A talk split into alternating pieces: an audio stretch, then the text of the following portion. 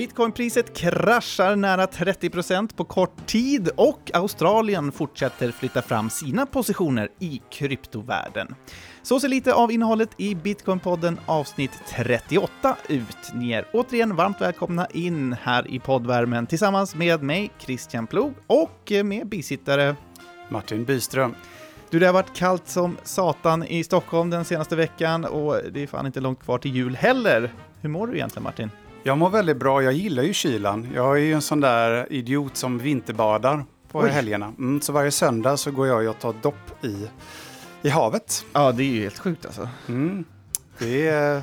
Man vänjer sig. Är det bra? Det ska vara bra för kroppen då eller? Det sägs att det ska vara bra. Sen ska man vara helt ärlig att det står ju en bastu och väntar på en när man är färdig. Så man ligger i några minuter och sen så går man och värmer sig i bastun. Men då skulle jag nästan tycka att det är intressant. Jag älskar ju basta. Mm. Du, idag så har vi ett avsnitt framför oss som jag misstänker att du ser fram emot. Vi får nämligen fint besök av en eh, riktig makthavare, kan man säga. Rickard Nordin, som sitter i Sveriges riksdag för Centerpartiet. Det stämmer att jag sett fram emot det. Jag ser fram emot alla avsnitt, det är därför vi bjuder in just de här gästerna. Mm. Eh, det var tråkigt om vi bjöd in gäster som vi inte ville lyssna på. Och, ehm, men ehm, nej, Rickard är ju som sagt, han, han går ju i maktens korridorer och han är ju en av få som faktiskt har haft en åsikt om bitcoin och den är ju som tur är positiv. Mm. Eh, så det ska bli intressant att se vad han har att säga och framförallt om man ser att det börjar röras lite på sig inom riksdagen eller om kanske till och med Centerpartiet börjar ha någon form av bitcoin slash kryptostrategi nu inför valet. Ja, det hade ju varit väldigt spännande i så fall. Eh, vi ska också säga att Bitcoinpodden som vanligt görs i samarbete med Sveriges enda kryptobörs Trio, eh, där du kan både köpa och sälja bitcoin. Eh, nu har bitcoinpriset rört sig väldigt volatilt senaste tiden. Hur ser handeln ut? Handeln eh, har faktiskt ökat senaste veckan och det var ganska intressant att se hur många som gick in och köpte dippen. Eh, det följer här förra veckan in, inför helgen mm. och vi hade nästan faktiskt insättningsrekord. Så att många tog ju möjligheten att köpa dippen. Förhoppningsvis så dippar det inte mer utan det här kommer studsa lite. Men om det är så att man, man är lite orolig kring just volatiliteten så har vi ju Trio Autopilot som låter dig eh, köpa automatiskt vid fasta tidsintervall så du kan köpa varje timma två gånger per dag, varje dag, mm. så, så sprider du ut dina köp och då spelar inte volatiliteten lika stor roll. Just det. Ja, men det är en strategi man kan titta på. Och köpa dippen är väl också en strategi som inte är så dum historiskt sett. I alla fall. Man ska inte köpa när det är så dyrt. Liksom. Historiskt sett över ett fyraårsperiod så har det ju lönat sig, ja. ja. Det får man säga. Så gå in på trio.se, handla bitcoin och du, gör det nu. Nu kör vi igång avsnitt 38.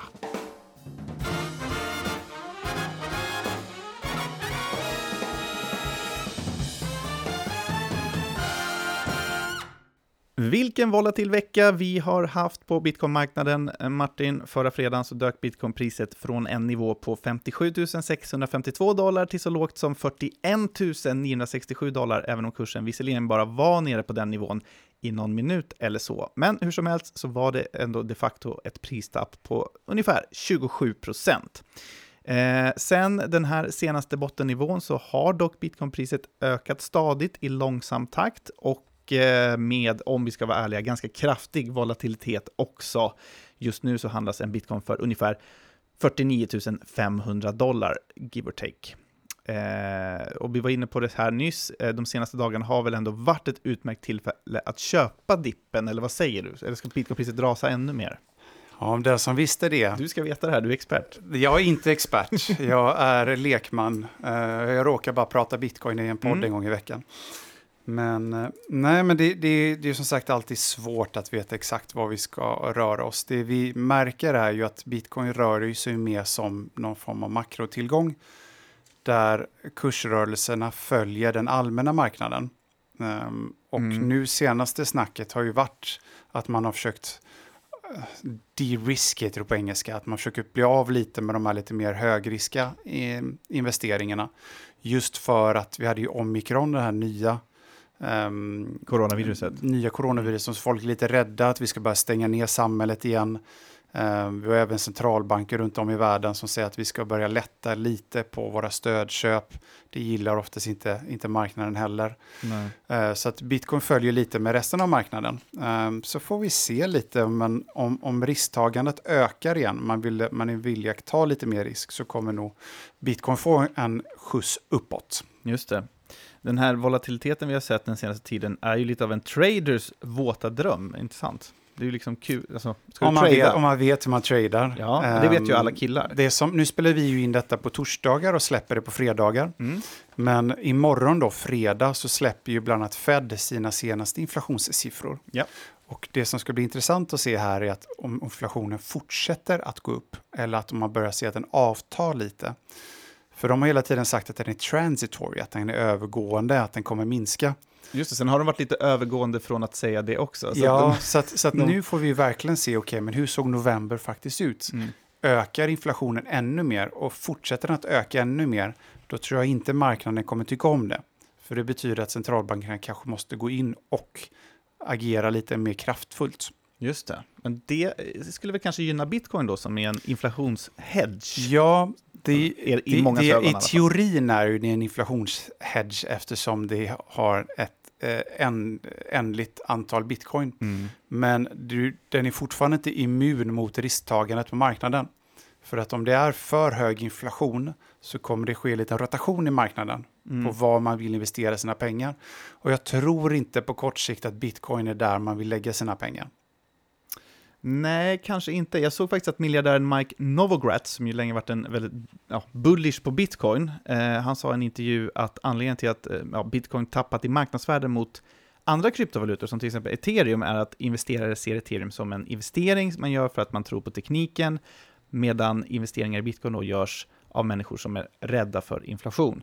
Eh, och han menar då att bitcoin just nu håller på att bli mindre attraktiv som en säker hamn mot inflation, eftersom USAs centralbank Eh, Federal Reserve ser ut att börja föra en stramare penningpolitik nästa år då, eh, och därmed försöka motverka inflationen. Och eh, det är väl absolut inte omöjligt att de gör det nu då, i synnerhet om morgondagens eller fredagens siffror visar på en ökad inflation. Så är det.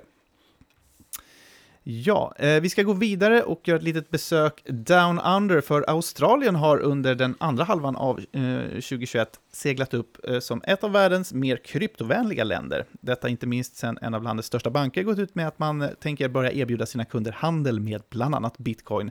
Nu verkar det som att även landets regering har hakat på den här trenden, för under onsdagen så gick eh, Australiens finansminister Josh Frydenberg ut med att regeringen stödjer sex olika förslag för nya kryptoreformer som har lagts fram av ett utskott i landets senat. Det handlar bland annat om ett licensieringssystem för kryptobörser, nya lagar för decentraliserade autonoma organisationer, så kallade DAOer, samt eh, ett nytt eh, regelverk för betalsystem. Enligt regeringen så handlar det här om den egentligen största reformeringen av Australiens betalmarknad sedan 1990-talet. Martin, du har ju bott i Australien i, i flera år. Vad, vad, tänker du om, om, de här, eh, om det som de gör där nu? Jag tycker det är fantastiskt kul att ett företag faktiskt börjar bry sig, eller förlåt, ett, ett land, inte ett företag, mm. eh, faktiskt börjar att, att bry sig och ser att det här är någonting, det här är en strategi som vi lägger för de närmsta tio åren. Vi måste börja bry oss om det här, vi måste ha en politik som fungerar. För bitcoin och krypto allmänt börjar bli mer och mer accepterat bland befolkningen och det ökar bland befolkningen. Och att då inte ha politiker som, som ser det här eller inte aktivt engagerar sig det, det, är inte spelat bra för det landet. Så att uh, Australien är, det är intressant att, jag vet inte varför just Australien, varför de är så duktiga på det här. Nej. Men... Um, det är de, El Salvador, mm. vissa stater i USA. Ja, för det jag, märkte, jag flyttade till Australien 2015 mm. och det som slog mig var hur långt efter de låg i det digitala samhället. Framförallt i den finansiella infrastrukturen mm. låg ganska mycket efter. Att, på vilket sätt? Var det mycket kontanter man betalade på restauranger? Mycket kontanter, det fanns inget Swish-liknande system. Um, överlag var mycket man måste vara tvungen att åka in till bankkontoret och göra. Mm -hmm. um, ja, det, det, det kanske är en bra grund då för att ja, bitcoin ska frodas. Och... Ja, det fanns liksom ingen liknande mobilt bank-id, utan du skulle alltid tvungen att skicka in liksom, eh, foton på dina räkningar. Och, alltså det var Mm. Väldigt eh, gammalmodigt. Sen kanske Sverige ligger i toppen när det gäller just digital eh, och finansiell infrastruktur. Men, så att det här är väl ett sätt för dem lite kanske att komma ikapp också. Ja, Ja, det får man ju tänka att det kanske kommer gynna dem i längden, precis som med El Salvador, och gå in så här tidigt. Eh, och den storbank i Australien som planerar att sjösätta en riktigt stor kryptosatsning är ju, eh, den heter Commonwealth Bank of Australia och detta ska de göra genom ett samarbete med den amerikanska kryptobörsen Gemini.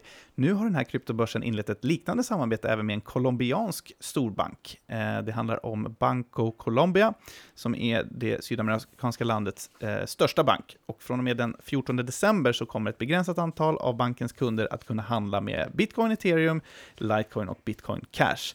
Det hela är en del av ett pilotprogram som har tagits fram av Colombias motsvarighet till Finansinspektionen för att ta fram nya regleringar kring kryptovalutor. Eh, så Sydamerika väljer eh, bitcoin igen. Centralamerika är det i och för sig när det är El Salvador. Men eh, ja, det är kanske inte så konstigt heller att eh, bitcoin eh, eh, växer i länder där den, det, liksom, monetära systemet som finns på plats inte är så eh, stabilt. Nej, och det, det är vi, vi pratar ju ofta om det i podden, att Sverige kanske inte är det, det landet som kommer vara snabbast eller först med den här monetära revolutionen. Eh, men det finns även en fördel för banker, för banker egentligen bryr sig kanske inte så mycket om vilka pengar de håller åt sina kunder. Utan deras roll är ju bara att hålla, kund, att hålla pengarna och ställa ut lån och göra betalningar. Så de är lite agnostiska till vilken valuta det är. Mm. Um, och just bitcoin har ju många fördelar, just att det, det är ju liksom ingen motpartrisk, du kan äga dina privata nycklar. Så för en bank är det ju inte kanske till och med lättare att, att hålla bitcoin åt sina kunder än att uh, hålla på med liksom en, hålla vanliga fiatpengar som baseras på en ganska gammal teknologi. Men varför är svenska banker så anti-krypto då, anti-bitcoin?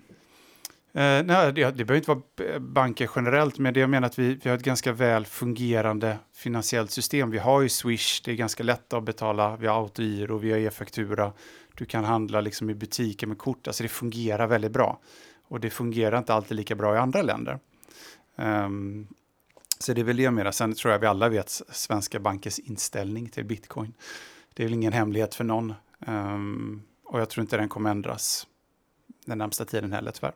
Nej, vi får se om eh, politiken kan göra någonting åt den. Det är ju min första fråga till eh, Rickard här idag. Ja. Vad ska du göra åt bankerna? Ja, men det är bra. Det ska vi ta upp.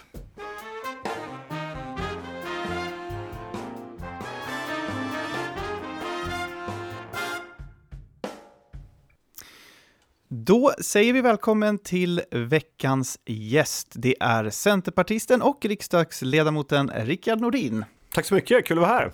Hur är läget? Jo men det är bra, det är ju fullt upp, men det är väl så det ska vara. Ja, eh, du är ju egentligen klimat och energipolitisk talesperson för Centerpartiet. Så det är väl bråda dagar här nu när det är eh, debatt om eh, ja, elen och sådär. Definitivt, men det gör ju också att det blir intressant i media med de här frågorna och det gillar ju jag. Ja, men du har ju också gjort dig eh, lite känd som en av få riksdagspolitiker som är positivt inställda till bitcoin. Eh, vill du berätta lite om din bakgrund och eh, kanske då hur du hamnade i politiken först?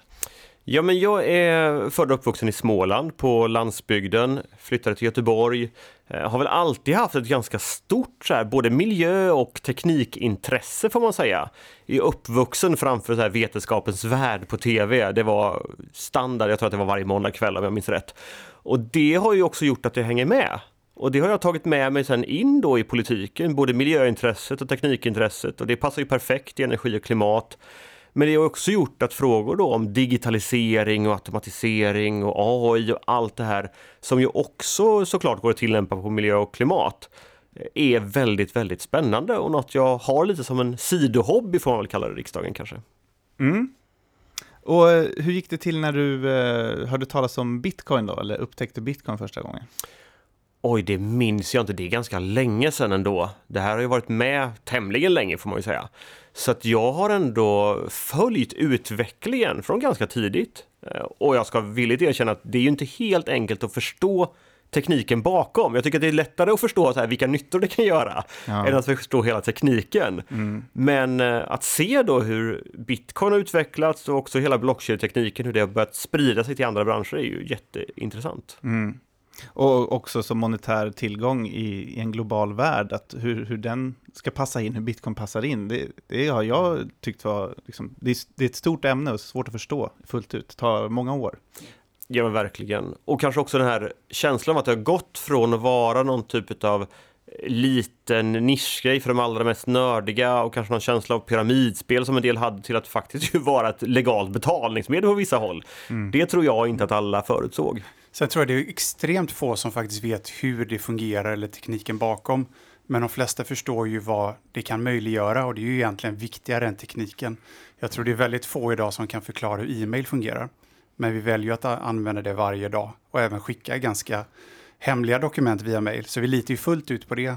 Men när det kommer till just pengar så vill man absolut veta exakt hur det fungerar också med tekniken bakom. Och det måste vi också kanske så småningom släppa och bara se fördelarna, nyttan av det snarare. Mm. Eh, vi har ju haft en partikollega till dig som gäst här i podden tidigare, mm. eh, Nils Paru Pedersen. Jajamän. Eh, och eh, ja, sen tidigare så vet jag att Liberalerna haft en riksdagsledamot, Mattias Sundin, som intresserat sig för kryptovalutor. Men annars så, ja, vi känner till så himla många fler på den politiska nivån. Hur skulle du beskriva kunskapsnivån om bitcoin hos eh, våra folkvalda riksdagsledamöter? Nej, men man får väl säga att det är ju ungefär de tre personerna som du nämnde som har varit intresserade på något sätt och det är ju väldigt synd att Mattias inte finns kvar i riksdagen. Jag hade ju jättegärna sett honom där, för han är också en sån som är väldigt teknikintresserad, fokuserar framåt och spanar vad som finns runt hörnet. Så att eh, det är ganska dåligt intresse. Eh, jag satt ju faktiskt i finansutskottet en vända här nu också för ett år sedan ungefär och då hade vi uppe vissa frågor och det märks väldigt tydligt att det här har man inte koll på. Vilka frågor var uppe? Med alltså det var lite frågor på EU-nivån hur man skulle reglera då bitcoin och annat eh, och hur man skulle hantera den typen av digitala tillgångar. Och det var, det syntes och märktes i rummet att här har man inte riktigt koll på både potentialen och vad det gör på riktigt. Man fastnar lätt i det här med, ni vet de gamla klassiska sakerna kring penningtvätt och sånt som, ja. som ju många gånger är myter. Men det måste ju vara många tillfällen där man inte har koll som politiker. Det är många ämnen och, och sånt som swishar förbi en, i ens jobb. Men man, tar man inte in någon sakkunnig då eller liksom försöker, för så gör man ju annars tänker jag om man inte vet, så får man ju fråga någon som kan. Ja, så vi ledamöter har ju då sakkunniga kopplade till oss eh, och det beror lite på hur man väljer att göra i varje parti. Men i vårt parti så har vi då en person ungefär. Eh, då har vi ganska mycket resurser får man säga. Många har kanske en tredjedels tjänst kopplad till sig. Eh, men sen tar vi såklart in då yttranden från myndigheter och från Finansdepartementet och alla de sakerna också. Men då vet vi ju att där har man ju lite en annan syn kanske på bitcoin och andra tekniker än vad vi då, eller jag som ledamot har. Så att man får vara lite försiktig med vilka man lyssnar på ibland också. Och det är viktigt utifrån alla perspektiv. Jag försöker lyssna på alla och bilda mig en uppfattning helt enkelt. Men så vitt du vet så är liksom inte den här frågan uppe i något, något utskott eller liksom någon beredning. Det finns ingen aktiv dialog mellan riksdagsledamöterna om den här monetära revolutionen, för det är ju faktiskt vad det är. Nej, jag upplever inte att det finns någon sån dialog eller intresse, utan då kommer man ju mer in på det här med e-krona och sånt som är uppe ibland. Men jag upplever att kunskapen är ganska låg och intresset ganska svalt och det gör att man inte heller tar till sig det på vad, sätt som borde. Vad tror du skulle krävas för att någon faktiskt börjar driva den här frågan aktivt i riksdagen? Ja, men det som nog skulle göra skillnad är ju om du på ett tyngre plan kanske börjar använda som betalningsmedel även i Sverige. Alltså, jag tror inte att vi kan få att Riksbanken accepterar det rakt av, för det, det föregås nog säkert av en debatt. Men om du skulle ha några stora butikskedjor till exempel, som började acceptera det. Det tror jag skulle göra att du får en helt annan eh, ja, kunskapsnivå och du tvingas sätta dig in som politiker. Det här är ju inte alls mitt ansvarsområde. Jag sitter ju egentligen i fel utskott, men jag gör det för att jag tycker att det är spännande. Men de som verkligen har ansvar i grunden skulle ju tvingas då om så, så, du menar när det faktiskt börjar bli ett hot mot status quo eller vad man ska kalla det för. Det är först då som man kanske lite mer blir reaktiv till det. Ja, men så är det nog. Alltså när du utmanar rådande strukturer så tvingas du på något sätt ta ställning och risken såklart i det fallet är att de som sitter på rådande strukturer, banker och såklart Riksbanken och andra, är de som kommer vara kritiska. Men det kommer åtminstone komma upp på dagordningen då. Mm. Vad tror du att det kan få för konsekvenser för Sverige som land eh, om vi på politisk nivå liksom inte intresserar oss mer för bitcoin? Jag tror att det egentligen är som på nästan vilket annat teknikområde som helst. Att om vi inte är med och påverkar utvecklingen så kommer någon annan göra det och då kommer det garanterat inte passa oss. Och då kommer vi hamna bakom och då kommer det vara andra som är med och driver på och gör skillnad och sätter standarder och hur ska saker och ting funka egentligen. Och det gör det svårare för Sverige, mm. ett ganska litet land, vi är ett exportberoende land. Jag menar, det är otroligt viktigt med betalningslösningar till exempel. Och vi är ju i grunden ganska duktiga på det här med fintech och nya lösningar. Så att här borde det finnas en möjlighet att, att plocka upp också. Mm. Mm. Ja, alltså jag tror det finns ju väldigt många i Sverige som vill jobba inom den här branschen. Tyvärr är det väldigt svårt att starta ett bolag i branschen just på grund av att bankerna väger i princip att ge bankkonton till bolag som verkar inom den här industrin. Så att man har ju ett problem där också, att man stängs ju ut från den finansiella infrastrukturen. Um, det, det, är ju också ett, ett, större problem, det är inte bara från politiskt håll utan även om man nu ska kalla banker för privata företag. Men det, det, man behandlas olika beroende på vilken bransch man är i Sverige. Och frågan är vad, vad gör man åt det? Kan man sätta press på bankerna? Alltså det är ju ett jätteproblem och där börjar man ju nästan fundera på Ska det vara tillåtet att neka folk att starta ett bankkonto? Som ju, och jag menar, bankkonto och bank-id och annat är ju på något sätt grundläggande. Både som privatperson och som företag. Har du inte det, ja men då kan du inte verka helt enkelt. Och det betyder ju att bankerna nästan kan sätta ett näringsförbud mot deras konkurrenter. Och det är ju väldigt speciellt och mm. något man verkligen borde titta mer på från lagstiftningen tycker jag. Men för det är så det är just nu och det är ju någonting som vi nästan skriker från så långt ner i lungorna vi kan. Men det finns inget gehör för det finns inget intresse bland politiker. Det, finns, det känns som att det, man fokuserar mer på, men, som elpriserna nu, man pratar invandring, man pratar sjukvård, man pratar ekonomi. Men det här är ju faktiskt en framtidsfråga som ingen vill ta. Um, och något som jag har tänkt mycket på, vi pratade om det när Nils var här för ett halvår sedan, att det finns ungefär en halv miljon svenskar som vi vet mer eller mindre som äger på ett eller annat sätt, liksom, antingen bitcoin eller kryptovaluta. Och det här är en, en ganska homogen grupp som, som bryr sig väldigt mycket. Men det är ingen fråga, inget parti som har tagit upp den här frågan och gjort det till sin egen fråga. Och det finns en extremt stor möjlighet att verkligen öka opinionen om man tar upp en fråga som folk verkligen bryr sig om. För ekonomi, invandring, alltså det är lite tråkigt. Det är ingen som brinner för det. Men, men bitcoin och liksom krypto, alltså det känns som ett öppet mål, exempelvis för Centerpartiet som ändå är ett, ett liberalt parti som bryr sig om äganderätten, som bryr sig om um, ska man säga, individens frihet och suveränitet. Så att det här är som klippt och skurit för, för Centerpartiet.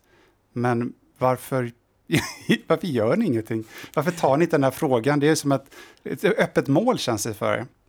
Nej, men det är väl just, eh, just därför det finns de tre politiker som ni nämnde innan med, med mig och Nils och Mattias, att alla tre är liberaler. Jag tänker att det symboliserar någonting. Att det just nu är två då kvar utav oss eh, och att vi är centerpartister. Och det där, jag tror att det är svårt att få en partiledare att gå ut liksom i en slutdebatt i valrörelsen och prata bitcoin. Det tror jag ligger ganska långt bort. Varför? Jag tror att det handlar om, alltså, man måste känna sig bekväm och förstå de frågorna vi pratar om för att kunna göra det genuint.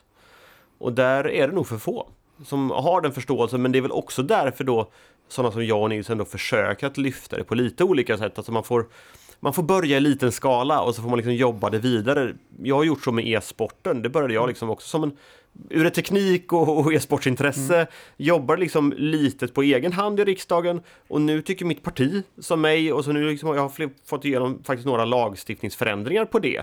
Alltså man, det tar tid att ta sig igenom med frågor som som uppfattas som nischfrågor. Jag säger inte att det är det, men det uppfattas som det och uppfattas som svårt och, och svårgreppbart. Mm. Och då, då tar det längre tid och därför, det är väl det vi gör jag och Nils, att försöka då vara droppen som urholkar stenen i det här och faktiskt mm. flytta kanske ett steg i taget. Det tar ju tid, men... Så det, det låter på dig som att Centerpartiet inte har någon bitcoin-strategi eller kryptostrategi eller, eller något sånt där som är uppe i någon, någon av era... Nej, det, det tror jag inget parti har faktiskt. Nej. Däremot finns det ju åtminstone ett intresse då och faktiskt lite så här tankar och idéer på vad vi kan göra. Ja men just som det här med, med bankkontona till exempel och det finns ju också, vi vet ju, ja men som Linus Dunkers hans rättsfall där Skatteverket säger en sak och sen kommer flera år senare och säger något helt annat. Mm. Och så blir det reglerat på det. Det är också helt orimligt och där har jag också agerat för att titta på, men ska det vara bindande det som myndigheter faktiskt säger? För att man inte hamnar i konstiga mm. situationer. Så att vi försöker väl ändå plocka upp enskilda frågor åtminstone. Men en hel strategi, det är nog svårt att få till tror jag. Mm. Den här bankfrågan, vad, vad, ser du för potentiella lösningar där då? Eh. Nej men det rimliga där är väl att om det är så att ordinarie banker ska få neka någon bankkonto, för det kan ju ändå finnas rimliga skäl till brottslighet och sådana saker. Men då måste man motivera det och man måste ha på fötter, för nu blir ju de nästan som en domstolsinstans som kan utfärda näringsförbud. Och det behöver man ha rejält på fötter för att kunna göra. Man kan ju också tänka sig med tanke på att det är en så otroligt grundläggande infrastruktur att det kanske ska vara överklagningsbart. Eh, till exempel, för det, det blir ju nästan som ett domstolsutslag om du inte kan få det hos någon. För det, det är precis det är intressant att du säger det, för jag har ju ansökt om bankkonto hos varenda bank och varenda gång får jag nej och så står det också att det här går inte att överklaga. Mm. Så att du, du, du, får inte ens prata med en person, liksom. det är helt omöjligt att ens komma igenom eh, den här mm. väggen som de har byggt upp kring sig. Um, och det är verkligen inte bra för, vi har ju ändå fri konkurrens i Sverige, men inte just här. Nej, och jag, det är klart jag förstår banken, de vill ju inte ha konkurrens. Alltså att, att gynna någon jag... som ska äta på deras marknad, jag förstår dem. Men det blir knepigt när vi har byggt upp ett sånt system mm. som är så grundläggande för ekonomin i övrigt. Men så här har det ju varit i, i många år nu. Vad, vad, när, när kommer en förändring? Ja du, det är en väldigt bra fråga. Ehm, jag ser ju inte det hända inom kort, det kan jag inte påstå. Det kräver nog att fler partier också ser problemet. Mm. Eh, Centerpartiet har ju haft eh, två ministrar med ansvar för it-frågor genom åren. Det är Åsa Torstensson som var infrastrukturminister mellan 2006 och 2010 och sen eh, Anna-Karin Hatt då, som var eh, bland annat mm. IT-minister mellan 2010 och 2014. Så ditt parti har ju haft bra möjlighet att påverka den digitala utvecklingen i Sverige. Vad skulle du mm. säga att eh, ja, Centerpartiet har gjort då för att, för att skapa förutsättningar för att ny teknik som till exempel bitcoin ska kunna utvecklas och, och växa och, och frodas i Sverige? Men då skulle jag vilja säga att de två stora sakerna är ju dels utbyggnaden av bredband. Så är det ju, alltså tittar du i, i varje budget, både, både när vi var ministrar och sen alla oppositionsbudgetar, så är det ju Centerpartiet som lägger mest pengar på det. För det är en grundläggande förutsättning för inte bara bitcoin utan för väldigt mycket annat också. Mm. Och sen var ju vi med och såg till så att du sänkte skatten på serverhallar. Alltså, egentligen handlar ju inte det om just serverhallar, det handlar ju helt enkelt om väldigt energislukande verksamheter. Oavsett om det är en serverhall eller om det är en stor eh, tung gruvindustri så är det också rimligt att ja, man ska ha likvärdiga villkor. Så det är väl sådana grundförutsättningar. Mm. Sen tror jag att ska man från vilket parti som helst få förändring på regeringsnivå, då måste man ha en minister som är intresserad och engagerad. Det tror jag gäller i väldigt många frågor. Förutom ja. det som bara är dagsaktuell politik, för det måste man ändå hantera. Vi har ju fått en ny eh, digitaliseringsminister eh, i form av eh, Khashayar Farmanbar. Eh, men behövs det kanske en bitcoinminister någon gång? Liksom, för att en, en, person som ansvarar för den digitala revolutionen, liksom, och pushar myndigheter och lite sådär. Jag tror att det är svårt att övertyga en statsminister att bara tillsätta en sån. Jag hade ju önskat att det kanske var så. Jag har, jag har rätt många ministrar som man skulle önska kunna ha det. Mm. Men det som är kul med, med Cash, som han ju säger att man ska kalla honom, är ju att han har ju ändå ett digitaliserings och IT-intresse. Till skillnad från föregående minister. Och det ska bli väldigt kul att se om han på något sätt plockar upp de frågorna och hinner göra någonting. Eh, jag hoppas ju på att få ett samtal ganska snart så att vi kan sätta oss ner och diskutera ja, men vad ligger i pipelinen här då? För att han har ju, han har ju också energifrågorna som jag ju normalt sett har. Och då kan det vara kul att se, har han några tankar och idéer kring det här? Vad tänker han egentligen? Och så får man ju koppla ihop det då såklart med finansmarknadsminister och annat, för de sitter ju också på den här typen av frågor. Mm. Så det hade varit jättekul om de faktiskt på riktigt kunde engagera sig lite. Kan vi skicka med en inbjudan till honom via dig då när ni, när ni träffas? Absolut. Säg att han har stående inbjudan till Bitcoinpodden. Mm. För att nu är det han som faktiskt har makten att göra någonting. Uh, och då är det väl bra om de pratar med sådana som oss. Som... Ja, jag bjöd faktiskt in honom idag. Ja, det eftersom man. han är ny på posten och sådär. Ja. Eller jag hörde av mig till hans pressekreterare. Mm. Så vi får se. Men du får jättegärna ja, lägga in ett gott ord kan, för oss. Eh, jag kan slänga in ett gott ord. Om de nu vill lära sig lite, det är ju jättebra om de kommer kom till person som vet lite mer i alla fall kanske. Jag ska inte säga att vi är ju Sveriges bästa experter, men vi vet väl mer än de flesta. Det tror jag säkert. Du, eh, när eh, Trio News intervjuade dig i augusti 2018 så eh, sa du att du själv inte äger någon kryptovaluta då eh, och du tyckte att det också var lite svårt att välja vilken kryptovaluta du skulle satsa på. Du sa även att du trodde att eh, citat, andra, mer utvecklade kryptovalutor kommer att ta över bitcoins roll som den ledande kryptovalutan framöver. Slutcitat. Och att du därför då trodde att bitcoinpriset skulle sjunka under de närmaste åren. Ehm, Känner du fortfarande så, eh, eller anser du att det egentligen bara är bitcoin som, som är den stora revolutionen? Alltså egentligen så är det väl kanske inte valutan i sig, alltså bitcoinen eller vilken annan som helst som är revolutionen, utan kanske tekniken bakom eh, som är den stora grejen. Men eh, sen får ju betalningsmedlet bitcoin också väldigt stora konsekvenser så att säga, på, ofta på ett bra sätt tycker jag. Eh, man, det är alltid svårt för förutsägelser. Och jag vet inte vad jag sa det, jag tror att jag sa det i intervjun, jag vet inte om det kom med, men så här, oavsett vad jag säger så kommer det vara fel. Ja, du sa att du får, jag får äta upp det eller något sånt där. Skulle du... Uppenbarligen har jag väl haft lite fel. Men jag, jag, om jag kommer ihåg rätt så gick faktiskt priset ner ett tag där. Sen har det ju liksom stuckit all världens väg efter det. Skulle du mm. säga att du ställer dig på sidan som anser att det är not bitcoin but blockchain? Att det blockchain är viktigare än bitcoin? Det beror nog på till vad, skulle jag säga. Jag För... tror att blockkedjan som teknik i samhället kan ju appliceras på många fler områden. Men däremot att kapa liksom bankledet i transaktioner är ju enormt också på sitt sätt. Mm. Men på det sättet så är ju ändå bitcoin kan eller blockkedjor kan användas till det, men till massa andra saker också. Mm. Så på det sättet är ju blockkedjorna större. Men det beror väl lite på ja, helt enkelt vilket ja. perspektiv man vill anlägga. Ja. För jag, jag, delar ju inte din, det, utan jag, jag, tycker ju snarare tvärtom. Utan bitcoin är det som är det viktiga. Alltså, blockchain mm. har ju på sätt och vis funnits innan. Mm. Men det var ju först när man började applicera proof of work mining till det. Ja. Som det på riktigt blev användbart och sen att det är väldigt mm. decentraliserat. Att ingen kan i princip ändra det som har skrivits in i blockkedjan. Men om du börjar skaffa massa andra blockchains, privata blockchains, då försvinner decentraliseringen mm. och då fyller ju inte blockchain riktigt någon, någon, någon, um, någon nytta längre. Så att jag, jag tror att mm. den, den kommer dö ut lite, den, den synpunkten du har. Mm. Men, vi, det, ja, nej, men det är väl fine. Ja. Vi kan ha olika åsikter om det, men, men jag tror att utan det viktiga, den revolutionen är proof of work mining och bitcoin. Det, det, är det som kommer göra den stora skillnaden i samhället. Eh, och sen kan du fortfarande använda bitcoins blockkedja för, som en överföringsmekanism. Mm. Det finns ju idag företag som använder med hjälp av Lightning Network, jag vet inte om du mm. känner till Lightning mm. Network, där jag kan skicka SEK mm.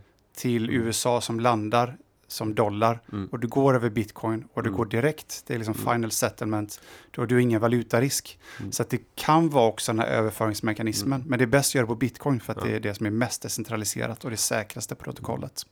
Så att det är det jag menar, att jag tror inte att blockchain är fortfarande ett buzzword. Jag tror det kommer, man kommer prata mindre och mindre om det så småningom. Uh, men det får ju som sagt framtiden Ja, oaktat säga. så har ju bitcoin varit murbräckan för blockkedjor. Mm. Så på det sättet har ju bitcoin levererat väldigt bra och jag, jag, min förutsägelse 2018 handlar väl kanske också om energieffektivisering och sådana saker där mm. det finns andra som är mer effektiva. Eh, men det har ju visat sig inte tillräckligt. Så att jag tror att jag skulle ha en lite annan förutsägelse idag. Nej. Men för då pratar, vi pratar att man kan ha fel ibland också. Exempelvis proof of stake, då pratar de om, mm. Eh, som är den andra konsensusmetoden som varit ganska populär och som även Finansinspektionen yep. anser bör ersätta proof of work. Um, jag tänkte vi kanske kan hoppa in lite på mm. Finansinspektionen, för de gick ju ut här för några veckor sedan och tycker att man ska förbjuda proof of work mining på mm. EU-nivå. Uh, för att det, vi kommer ha ett stort behov av förnybar el i framtiden och då kan vi inte ha de här miners som sitter och slukar mm. el. Um, det som är intressant är ju att um, vi har ju Vattenfall som är ett statligt bolag som går helt emot vad de tycker. Och jag, jag ska bara citera här um, vad Henrik Julin på Vattenfall sa. Uh, och det han säger är att utvinning av kryptovaluta eller proof of work um, kryptovaluta kan faktiskt hjälpa att reglera flödet när tillgången på el varierar, något som är vanligt med förnybara e-, energikällor likt vindkraft. Och det är därför de här kryptominers är bra resurser, för de kan enkelt både gå ned och upp och styra upp sin förbrukning. Det blir som en buffert för energiproduktionen. Så nu är min fråga här, jag antar att du vet vad, vad de har sagt på Naturvårdsverket, jag vet att eh, du vet vad de har sagt på Finansinspektionen. Så vad, vad, anser du? Tycker du att vi ska förbjuda det eller kan det här faktiskt vara någonting som är bra för vår klimatomställning? Alltså jag såg ju den där debattartikeln och undrade nästan vad för det var mm. väldigt fascinerande. Kan vi citera, kan vi citera det? Vad ja. har på Finansinspektionen? Ja, men, det är väldigt konstigt hur man väljer att gå ut och ta en fight mot en viss teknik. Dels för att de uppenbarligen inte förstår bitcoinen och, och liksom mm. eh, proof of work, work eh, och så vidare. Nej, deras lösning är en oprövad teknik också. Ja, och dessutom så om det är så att man tycker att någonting är dåligt, för det är det jag uppfattar, de tycker att bitcoin är dåligt och därför borde man förbjuda det eller man borde liksom reglera det. Då finns det ju väldigt mycket annat som också tar väldigt mycket datorkraft som också borde liksom förbjudas utifrån samma perspektiv. Så här, ja, rätt mycket av datorkapaciteten på internet är typ porr. Eh, så här, tycker vi att det bidrar starkt till samhället? Kanske inte. Betyder det att man borde förbjuda det? Nej. Alltså här, det, det blir väldigt konstigt om man ska gå in och pinpointa saker man tycker bidrar bra eller dåligt till omställning och så vidare. Eh, och sen har man ju rätt på Vattenfall såklart att har du en användning som är väldigt flexibel, som ju miners är, eller som vätgasproduktion eller vilken som helst, så kan du hantera de större svängningar som blir med förnybar kraft. Lite ur perspektivet att det blåser ju alltid någonstans. Om vi bygger fruktansvärda mängder vindkraft så kommer vi ju lösa väldigt mycket. Så att säga, vi kommer kunna ha väldigt mycket ny användning. Om den är då flexibel, som miners är, ja men då kan den reglera ner när det inte blåser så mycket och vi faktiskt behöver elen till de grundläggande basfunktionerna. Det är ungefär det som vi har idag. Så att jag ser inte det här som ett jätteproblem och om vi nu ändå tänker någonstans att ja, om vi inte gör det i Sverige och EU så kommer vi göra det någon annanstans. Jag tror ju ändå att det kommer vara så. Då är det bättre att vi gör det här, där vi har potential för mycket förnybar energi och annat. Är det någonting du vill gå på till val på? Att försöka attrahera eh, proof of work mining till Sverige? Som man gjorde, tänker med Facebook och alla de här andra de fick ju en ganska stor skatterabatt för att sätta sina datorhallar i Sverige. Varför kan vi inte ha samma politik mot det nya öppna monetära nätverket? Mm. Jag tror att vi är lite förbi tiden när vi försöker attrahera med den typen av skatterabatter. Jag tänker att vi har stabila elnät i Sverige, vi har stabil produktion, tämligen låga priser internationellt sett. Jag tror att man kommer ändå. Mm. Du såg ut som du ville säga något. Nej, men jag, jag, tänkte så här, stabila priser. Så, vi, vi, har ju all time high nästan pris just nu. Jo, absolut, på väldigt, väldigt kort sikt. Men om du drar ut tangentens riktning lite så har vi fortfarande väldigt låga priser i Sverige och vi har ju lägre än omvärlden. Det är ju det som egentligen är relevant. Hur ser konkurrenskraften ut?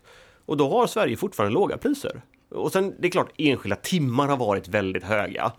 Men eh, det är ju inte det som räknas på slutkalkylen. Speciellt inte om du minus och drar ner just de timmarna. Har du låga elpriser i 90 av tiden så är det det som är relevant. Jag bodde ju i Australien en del eh, förra året. Jag bodde där i fem år och där är ju mest elproduktionen antingen eh, naturgas eller kol. Och där betalade jag 4 kronor per kilowattimme. Mm. Det, det var otroligt dyrt, så jag håller med att på ett yep. internationellt plan så har vi ganska billig el. Um, men, men, förstår du vad um, Vattenfall menar med att de gärna ser att vi har utvinning av bitcoin genom proof of work mining för att det är ett sätt att stabilisera nätet? Att det är någonting vi ska eftersträva snarare än att förbjuda. Förstår du vad de menar med det här? Ja men absolut. Det de menar är ju att vi behöver elanvändning som kan gå upp och ner beroende på hur mycket el vi har i systemet. Och det är precis det här är.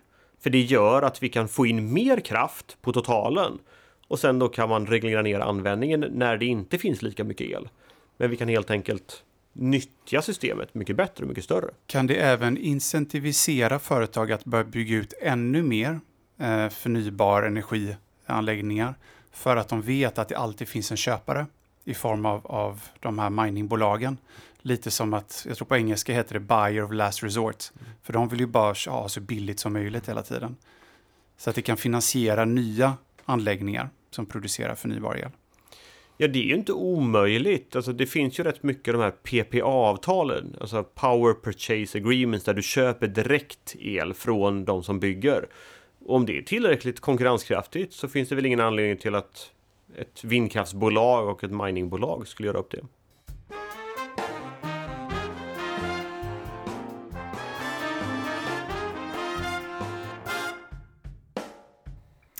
Vi gör en liten paus här i intervjun för att eh, berätta om eh, Trio som är Sveriges enda kryptobörs och i synnerhet eh, en eh, hyfsat ny tjänst som heter eh, Autopilot, eller Martin?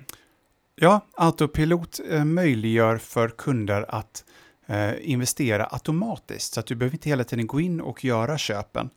Det har ju, visar ju oftast att det är bättre att kunna sprida köpen över lång tid eftersom bitcoin kan vara så volatilt. Mm. Så det man gör är att man loggar in på Trio, går till köp och säljfliken och där finns autopilot. Och det man gör helt enkelt är att man väljer hur mycket man vill köpa och vilket intervall och sen trycker igång den. Exakt. Sen när man ska tänka på det är att det är bra att man måste ha pengar på plattformen för att den ska komma igång och köpa då automatiskt åt dig. Ja, och på det här sättet då så minskar man risken att eh, ja, köpa allting på toppen till exempel.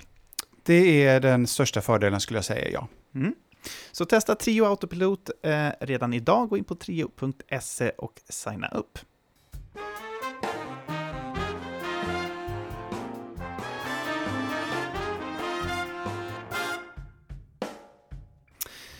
Du, du fick ju behålla din plats i riksdagen efter förra valet. Eh, vilka, vilka kryptorelaterade frågor är det som du har drivit här under de här åren sedan du blev omvald?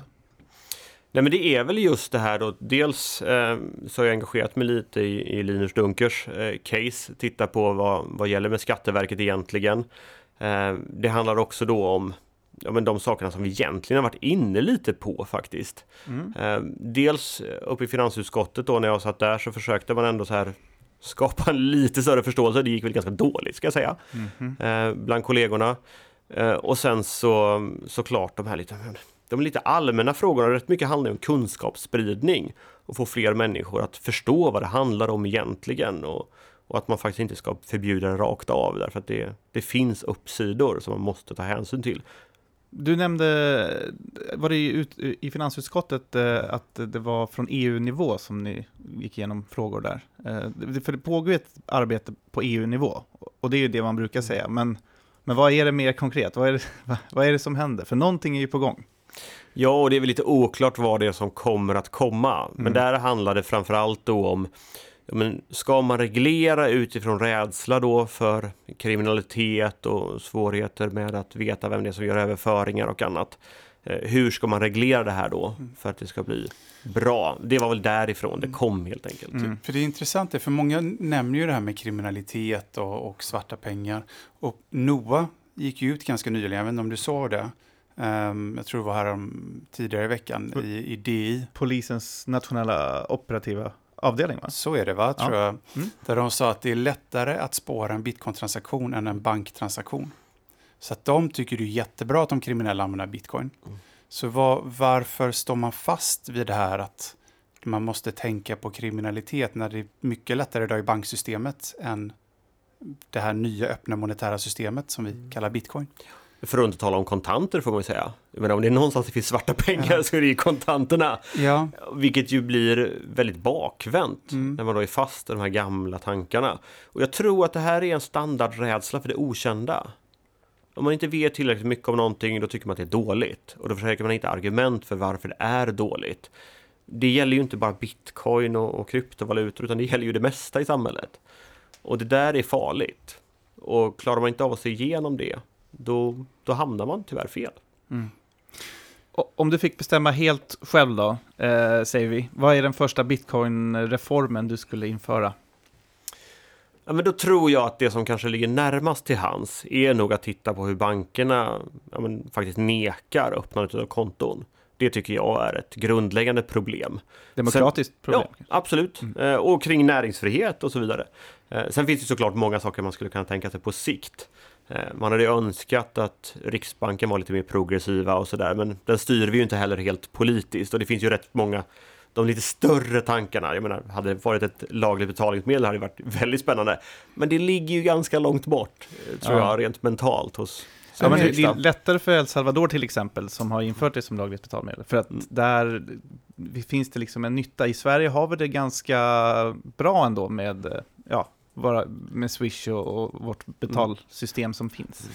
Du, skulle du säga att det är finansmarknadsministerns ansvar det här med att se till att bankerna inte eh, stänger ut bolag från eh, den här infrastrukturen? Och ni har väl frågestunder ibland i riksdagen då man får gå upp och ställa en fråga till eh, den minister som ansvarar över just de här frågorna. Tror du att du skulle kunna gå upp och ställa den frågan till honom nästa gång? Men det låter väl som en alldeles utmärkt idé. Ehm, det kräver ju dels såklart att det passar kalendermässigt sånt där. De är ju inte där, alla ministrar är ju inte där varje torsdag. Men om det gör det så tycker jag att det låter som en jättebra idé att göra. Mm, bara för att få igång lite diskussionen mm. och bara se hur de faktiskt ställer sig till det. För det kan ju vara att han inte har någon aning att det faktiskt mm. är så. Mm. Bara för att få igång debatten och att folk vet att det här är ett, är ett problem för oss eh, framåt. Och om du gör det så får du jättegärna tipsa oss innan så vi är beredda och kan följa detta. Det vore ju ja. spännande. Tycker det låter jättekul. Ja. Mm. En annan eh, fråga eller problem som många som använder bitcoin i Sverige idag är ju det här med skattefrågan. Att man behöver eh, deklarera alla avyttringar man gör och så. Vilket egentligen eh, intens eller, eh, ja, motiverar folk att inte sälja sina bitcoin, vilket i och för sig är ganska bra för dem, ty ty ty tycker ju vi då, eh, långsiktigt, eftersom vi tror på bitcoin som en framtida grej. Men eh, ja, där är det ju krångligt och det handlar väl om en gammal skattelagstiftning som ska appliceras nu på ja, avyttringar av, av kryptovaluta, helt enkelt. Eh, det känns som att där, där kan man göra grejer.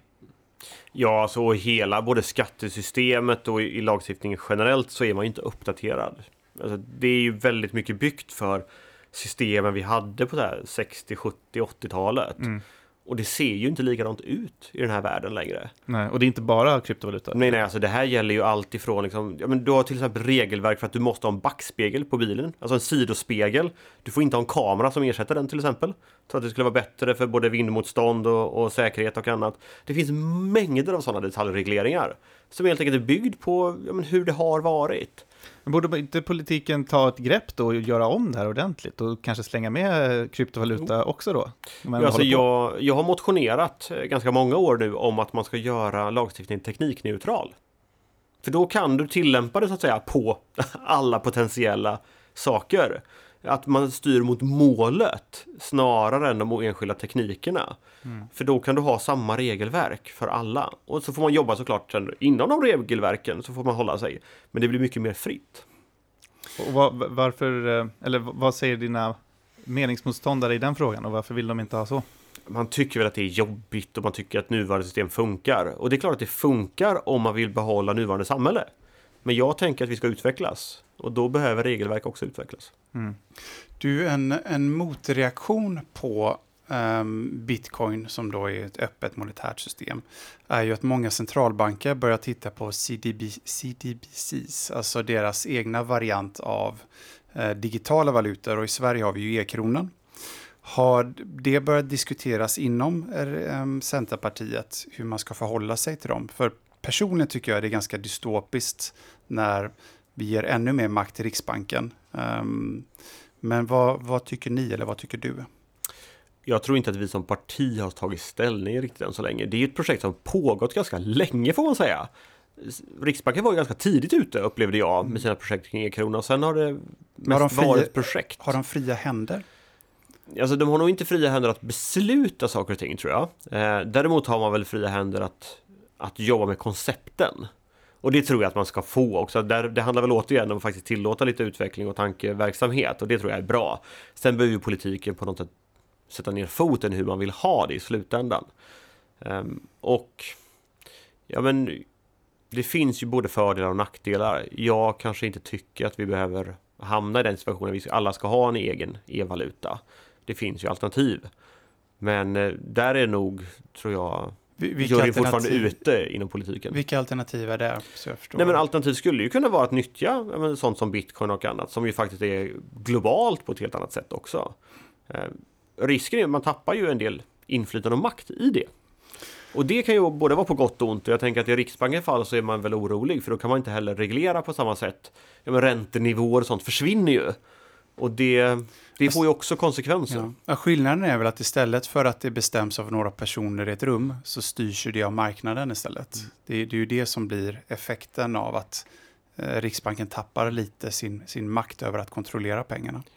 Ja, och då marknaden blir ju global på ett helt annat sätt mm. i det. Och då är frågan, tror vi att den globala marknaden kommer vara tillräckligt anpassad till svenska förhållanden? Det här är ju diskussionen kring liksom, hur mycket kan vi styra vår egen ränta egentligen och inflation och alla de här sakerna som ju, ja, det är inte helt enkelt i Nej. ett globalt ekonomiskt system. För det blir ju lite som uh, spelteori på nationell nivå. Alltså om vi tittar nu El Salvador till exempel. Då har man gått ut och sagt att om du kommer till El Salvador med tre bitcoin eller om du köper, jag tror det var 100, 100 000 dollar av våran bitcoin-bond, alltså bitcoin-obligation, så får du medborgarskap. Så vad de gör nu är att de börjar attrahera de här människorna. Och jag har ju faktiskt på riktigt funderat att det kanske är värt att göra det. Och i och med att bitcoin växer eh, så kommer ju mer länder att använda den här strategin för att ta till sig talanger. Det vill säga att länder kommer behöva försöka behålla sin befolkning för att kunna driva in skatter. Annars kommer de här människorna fly till de länderna som passar dem bättre. Och vi ser ju lite det i USA redan på statlig nivå. Där har Silicon Valley, som är liksom i Kalifornien, många av dem nu börjar dra sig till Miami istället. För att Miami erbjuder mycket bättre ska man säga, landskap och är mycket bättre, eller mer öppet mot exempelvis bitcoin. Så det börjar hända på statlig nivå där, men jag, jag tror att det kommer hända på nationell nivå också. Har du några tankar kring det, att när vi får en global valuta, att folk kommer börja lämna sina länder och gå till det landet som passar deras livsstil bäst? Ja, men jag tror nog att det där är en utveckling som vi ser accelerera. Det, blir, det har ju blivit en paus med pandemin såklart. Du har inte samma rörlighet längre. Mm. Men, mm. det har blivit, äh, blivit mycket värre eh, kan man säga. Rörligheten har, blivit, har ju minskat ja, i och med Ja, men exakt. Eh, men jag tror att på sikt så, så kommer det nog vara en ökad rörlighet i världen. Och det ser vi ju generellt sett att människor som är högutbildade flyttar till de jobben de vill ha. Eh, mm. Antingen inom landet eller utom landet. Eh, och där man känner att man hör hemma och det passar. Mm. Och sen så är det klart att kultur och, och uppväxt och annat är fortfarande väldigt starka ja. drivkrafter. Det, det, krävs ju ganska mycket att flytta från Sverige till El Salvador om du inte känner någon och så vidare. Men jag tror att rörligheten generellt kommer nog öka. Också såklart eh, i takt med att vi klarar av att ställa om transporter och annat så att det inte blir ett problem i sig.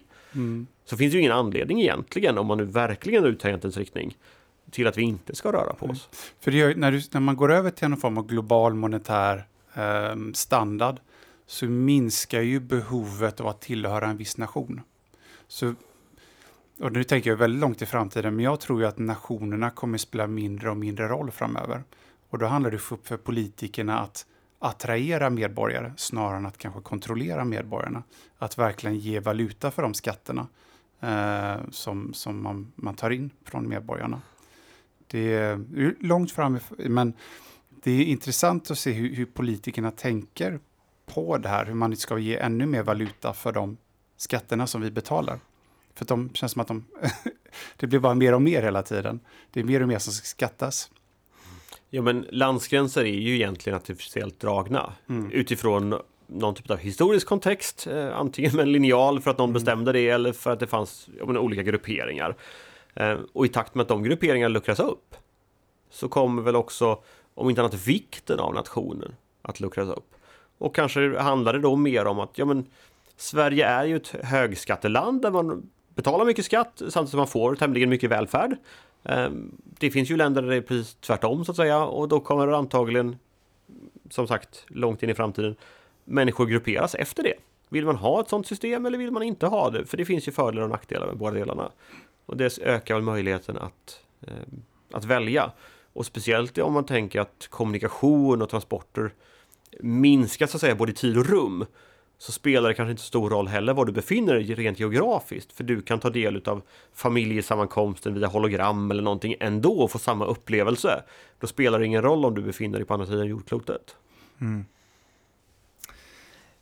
Eh, vad tycker du om att El Salvador har infört bitcoin som bet lagligt betalmedel?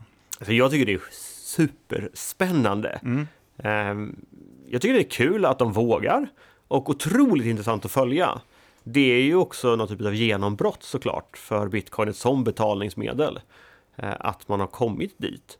Så det ska bli väldigt kul att se hur det utvecklar sig och hur de hanterar det med de utmaningar som såklart finns eh, inom det området. Men jag tror att det, det är verkligen en dealbreaker hur det kommer gå för dem. Mm. Ja, de blir ju lite som en, en testkanin ju. Mm. För att det finns ganska många dollariserade länder som inte har en egen valuta. Och det är ju inte bara en fördel att ha eh, dollar som en laglig valuta, utan då kan man ha bitcoin som komplement. Så att det här kan ju gå ganska fort. Um, att det rullas ut i fler länder. Um, det känns ju inte som de är det enda landet som kommer göra det här. Eh. Nej men och just eftersom de då ändå inte styr sina räntenivåer och den typen av saker på det sättet, eftersom man inte har den egna valutan. Mm. Eh, då byter man egentligen bara från en eh, icke-egen valuta till en annan. Ja, de, de, går ju från en valuta som är designad för att gå ner i värde över tid mm. till en valuta som är designad för att gå upp över tid. Så det är ju ett fantastiskt teknologi de går från och ja, till då. Ja, men, och det är väl det som blir spännande då, hur, vad händer med inflation och sådana saker när du då har en helt annan design på din valuta? Och vad gör det med samhället? Och det blir väl jätteintressant att följa. Mm. Och det kan ju också vara intressant, tänker jag, om man är politiker och inte vill vara lika beroende av USA då, ja men då har du faktiskt ett alternativ här. Eh, har du en valuta som är beroende av ett visst land, ja men det är klart att det kommer påverka den politik du har möjlighet att föra.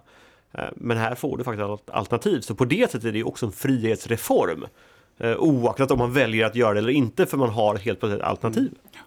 Men det betyder ju också att våra inom citationstecken, fiender får det. Säg att, att Iran eller Nordkorea kan ju också använda bitcoin för att göra transaktioner eller internationella betalningar.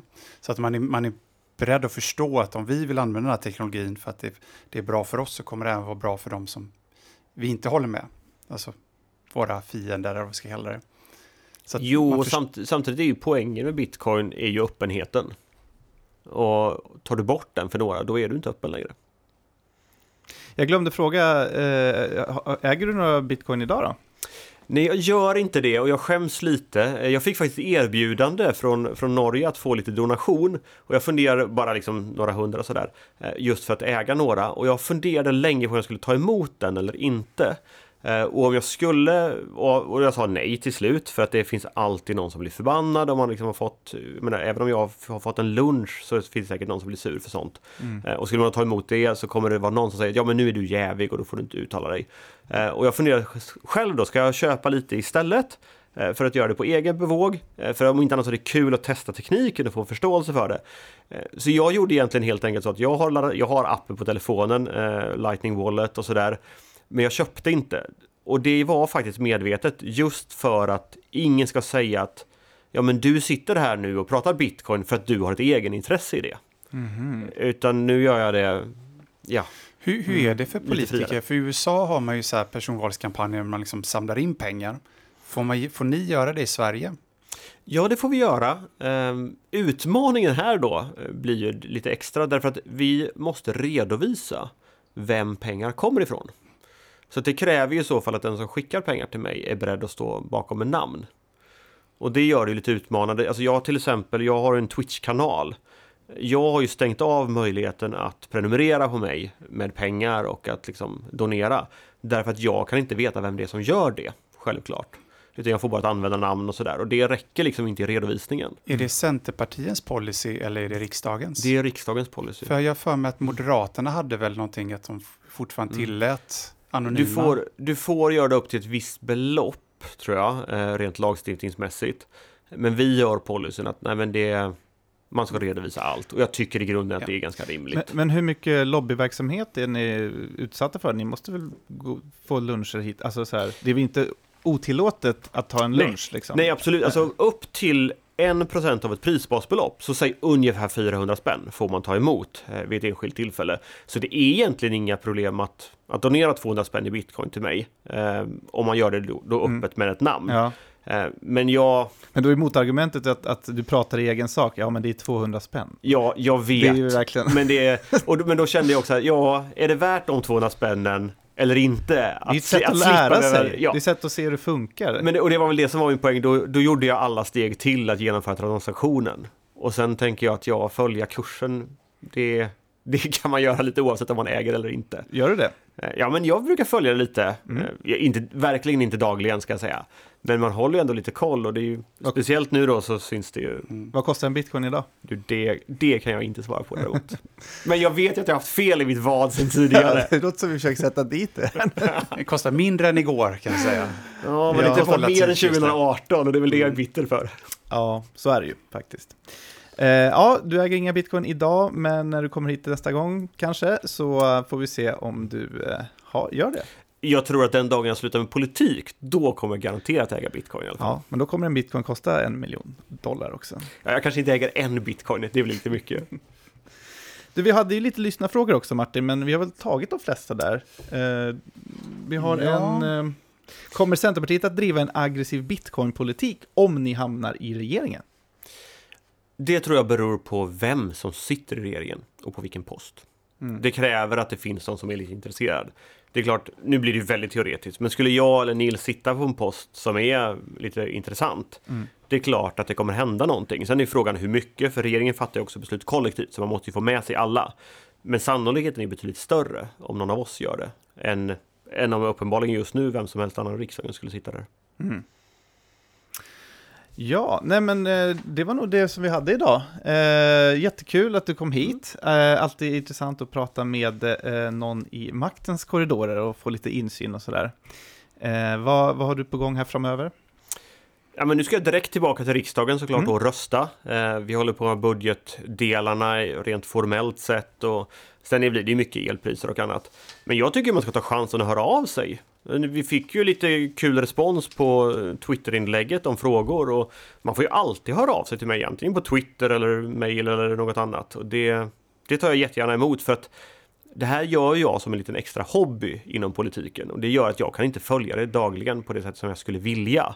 Och då blir jag ju beroende av ja, men sådana som er eller de som lyssnar att faktiskt höra av sig om det dyker upp något konstigt.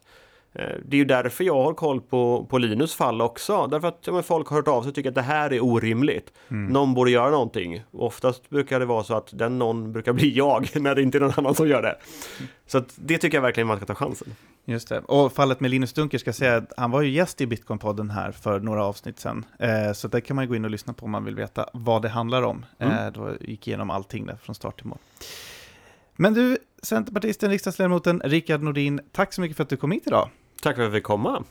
Eh, ja, Martin, hur ser det ut nästa vecka? Då har vi väl en ny spännande gäst på gång? Nästa vecka kommer Torbjörn Bull Jensen som är vd för det börsnoterade bolaget Arkin Krypto AB och han är ju även för tillfället vd för Trio som ägs av av Arcane. Just det. Så vi ska prata lite hur det går för bolaget och de har ju också nyligen gett sig in i mining.